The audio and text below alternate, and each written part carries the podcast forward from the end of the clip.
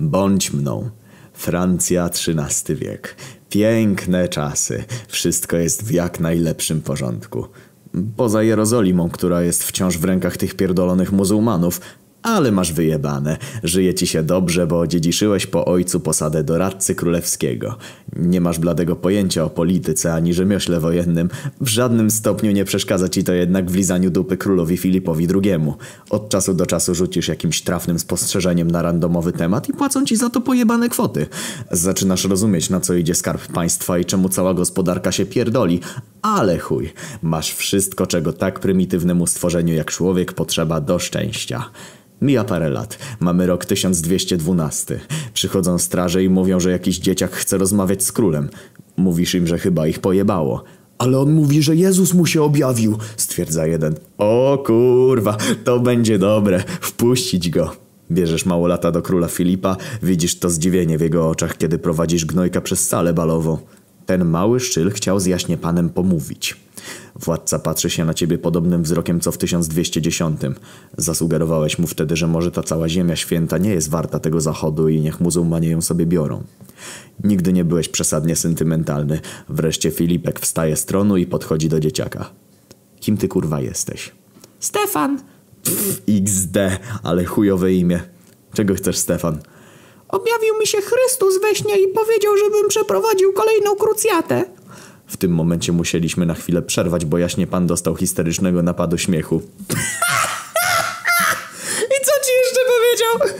Że mam zebrać dzieci o czystych sercach i poprowadzić je na Jerozolimę. Myślałem, że zaraz stracę pracodawcę. W końcu król przestaje się śmiać i podnosi się z podłogi. Dobra, pośmialiśmy się, ale już wypierdalaj. Gówniak próbuje protestować, ale strażak biorą go pod ręce i wynoszą z zamku. Wspominamy tę pojebaną audiencję przez kilka następnych dni, śmiejąc się do rozpuku. Któregoś dnia wbiega posłaniec i mówi, że jakiś gnojek zbiera dzieci z całego kraju. 30 tysięcy małolatów, którzy spierdolili z domów. Twierdzi, że chcą przeprowadzić kolejną krucjatę. Chuj, że były już cztery. Może tym razem się uda. Patrzymy się na siebie z królem i wybuchamy śmiechem. Stefan najwidoczniej postanowił posłuchać Jezusa ze swojego snu.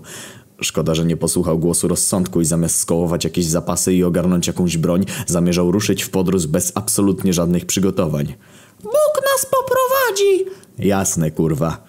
Trzeba było zawołać służącego, żeby przyniósł nocnik, bo król się zesrał ze śmiechu. W końcu mówi do mnie, Anon, słuchaj, weź pójdź tam z nimi, potem mi opowiesz, co tam się działo. Z początku się wahasz, ale Filip przekonuje cię, że nie dotrzecie nawet do morza. No, w sumie, jak o tym pomyśleć, to idą tam bez broni, bez koni, bez jedzenia. Kurwa, co może pójść nie tak? Zgadzasz się i zaczynasz się pakować. Wiesz, że będzie ciekawie. Wreszcie nadchodzi czerwiec. Vendôme. Co to za jebana wieś? Nie mógł ogłosić tej zbiórki w Paryżu?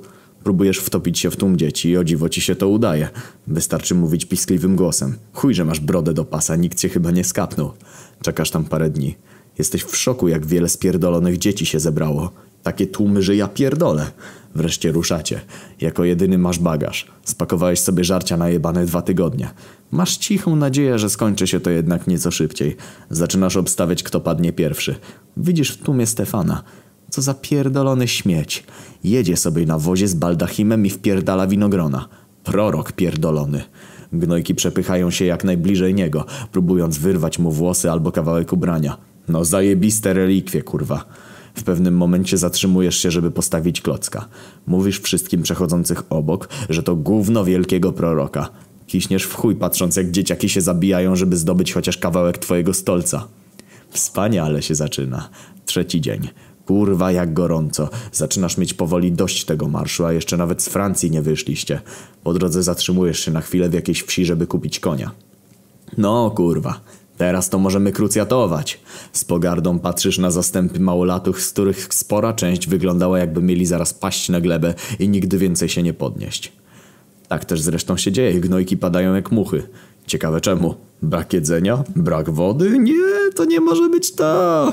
Prawie spadasz z konia widząc jak jakiś dzieciak wpierdala piasek. Jezu, król Filip miał rację, warto było z nimi pojechać. Minął pierwszy tydzień. Masz wrażenie, że z 30 tysięcy uczestników nagle zrobiło się pięć. Wyobrażasz sobie ślad, który mogą za sobą zostawić. Prawie jak Jasi Małgosia, tylko zamiast okruszków martwe dzieci. Ech, jakiś biedak będzie musiał potem te truchła zbierać. Robi ci się przykro. Trochę tęsknisz za życiem w zamku, ale chuj. Jedziemy dalej. Wśród gnojków powoli podnosi się bunt. Dajcie jedzenie, please. Help! Am, am, gdzie jest? Stefan trochę się zesrał i mówi, że poprosi Boga o jakąś mannę z nieba. Sto pro, że zadziała. Wpadasz na pewien pomysł. W nocy zakradasz się na pobliskie pastwisko i golisz kilka owiec. Wracasz do obozu z łapami pełnymi wełny i układasz ją w stosik. Wyciągasz swoją fujarkę i zaczynasz kanonizować papieża do obrazka z przenajświętszą panienką. Dochodzisz na wełnę. O, jak dobrze. Zaczynasz lepić z tej papki nasączonej twoimi niedoszłymi dziećmi nieregularne kule. Pierwszy prank w historii, Hir. Rozrzucasz je po całym obozie i idziesz spać. Budzisz się następnego ranka. Hurra! Manna z nieba! Bóg nas wysłuchał! Niech żyje Stefan! Prawie wypluwasz płuca ze śmiechu, widząc jak te gnojki wpierdalają wełnę zlepioną twoją spermą. Nikt nie zgłasza zastrzeżeń. Wszyscy wpierdalają z takim zapałem, jakby była to Jerozolima. Mijają dwa tygodnie. Jest śmiesznie, ale już trochę nudno. Nawet Stefanowi się już chyba nudzi. Ale wreszcie widać na horyzoncie jakieś miasto. Marsylia, kurwa. Chwila, chwila. Wtedy dociera do ciebie, że macie przed sobą jeszcze całe pierdolone morze. Nie spodziewałeś się, że zajdziecie tak daleko. Zapasy ci się skończyły, ale natychmiast ty uzupełniasz. Pytanie co dalej? Podchodzisz do Stefana. Ej, słuchaj, jak ty chcesz pokonać morze bez łodzi? Ty głupi jesteś jakiś czy co? Przecież rozstąpi się przed nami. Aha, kurwa, czyli to koniec wyprawy. Stoimy na brzegu trzy dni. Morze wciąż nie ma zamiaru się rozstąpić. Kurwa, szok. Czekamy dalej. Dzieciaki zaczynają się już nieco niecierpliwić. Stefan je uspokaja. Bóg zaraz nam się objawi, spokojnie, bracia. Z 30 tysięcy zostało już koło tysiąca. Wreszcie po tygodniu spędzonym na plaży część dzieciaków stwierdziła, że chcą wracać. Część upiera się, żeby jeszcze poczekać. Stefan ma już chyba wyjebane. Nagle podchodzi do ciebie jakiś brodaty menel sportu. Mówi, że chętnie kupi od ciebie te wszystkie dzieci. Ma dwa statki, którymi je zabierze. Bez wahania przystajesz na te propozycje. Mówisz dzieciakom, że ten miły pan kupiec podrzuci was do Palestyny. Wiwaty, krzyki. Niech żyje Stefan. Co za debile.